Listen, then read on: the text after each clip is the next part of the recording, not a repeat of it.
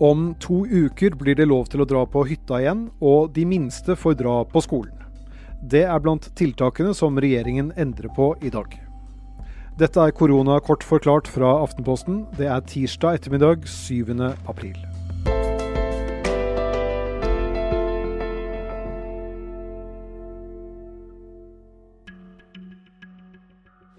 Det har nå gått 26 dager siden vi drastisk endret måten vi lever livene våre på. I den tiden har vi bedt om mye fra hver enkelt. De norske tiltakene mot koronaviruset har fungert, og dermed blir det mulig å avslutte noen av tiltakene.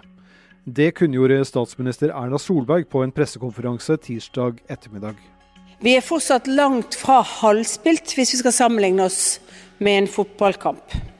Men med godt lagspill så har Norge klart å få kontroll på viruset. Jobben nå er å beholde denne kontrollen. Fra 20.4 åpner landets barnehager igjen.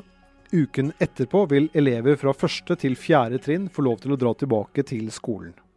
Det mye omtalte hytteforbudet oppheves også fra 20.4. Men det vil fortsatt være forbudt, i hvert fall frem til 15.6, å gjennomføre kultur- og idrettsarrangementer som ikke kan ivareta kravet om to meters avstand. Så langt har 88 mennesker dødd av koronaviruset i Norge. De siste dagene har antallet som er innlagt på sykehus gått ned. Politisk journalist i Aftenposten Alf Ole Ask, hvorfor mener regjeringen at det er riktig å justere på disse tiltakene i Norge nå? Åpenbart fordi eh, smittetiltakene har fungert. Det fortalte de om eh, allerede i går.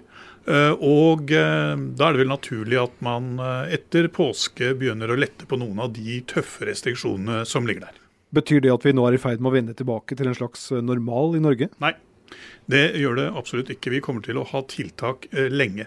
Hvis du hørte på Mette Fredriksen i går, statsministeren i Danmark, så eh, la jo hun fram et eh, meget alvorlig perspektiv for sommeren og langt utover høsten, før man kan vende tilbake til noe som ligner normal virksomhet. Hun snakket jo om å avlyse alle større arrangementer i Danmark helt fram til ut i august. Det betyr at Roskildefestivalen, som mange, ikke minst i Aftenposten, har et nært forhold til, ikke blir noe av i år.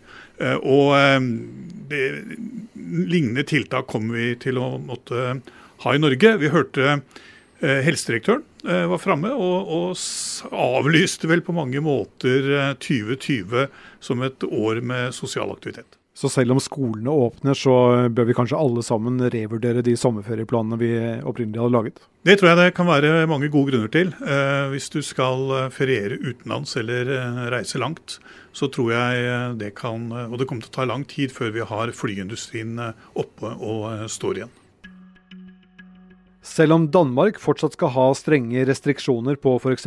kulturarrangementer ut august, går statsminister Mette Fredriksen inn for en delvis åpning av landet allerede nå. Barn får komme tilbake i barnehager, og de yngste får begynne på skolen igjen.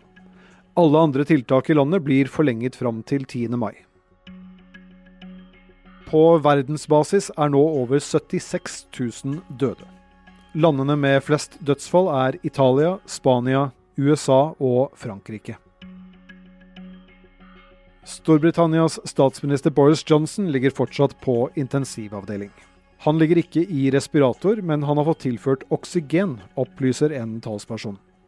I Johnsons fravær er det utenriksminister Dominic Raab som vikarierer i rollen som statsminister.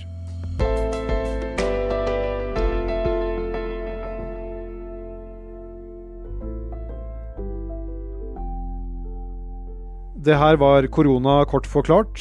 Vi gir deg det viktigste om koronaviruset de ettermiddagene det er noe nytt å fortelle. Jeg heter Kristoffer Rønneberg.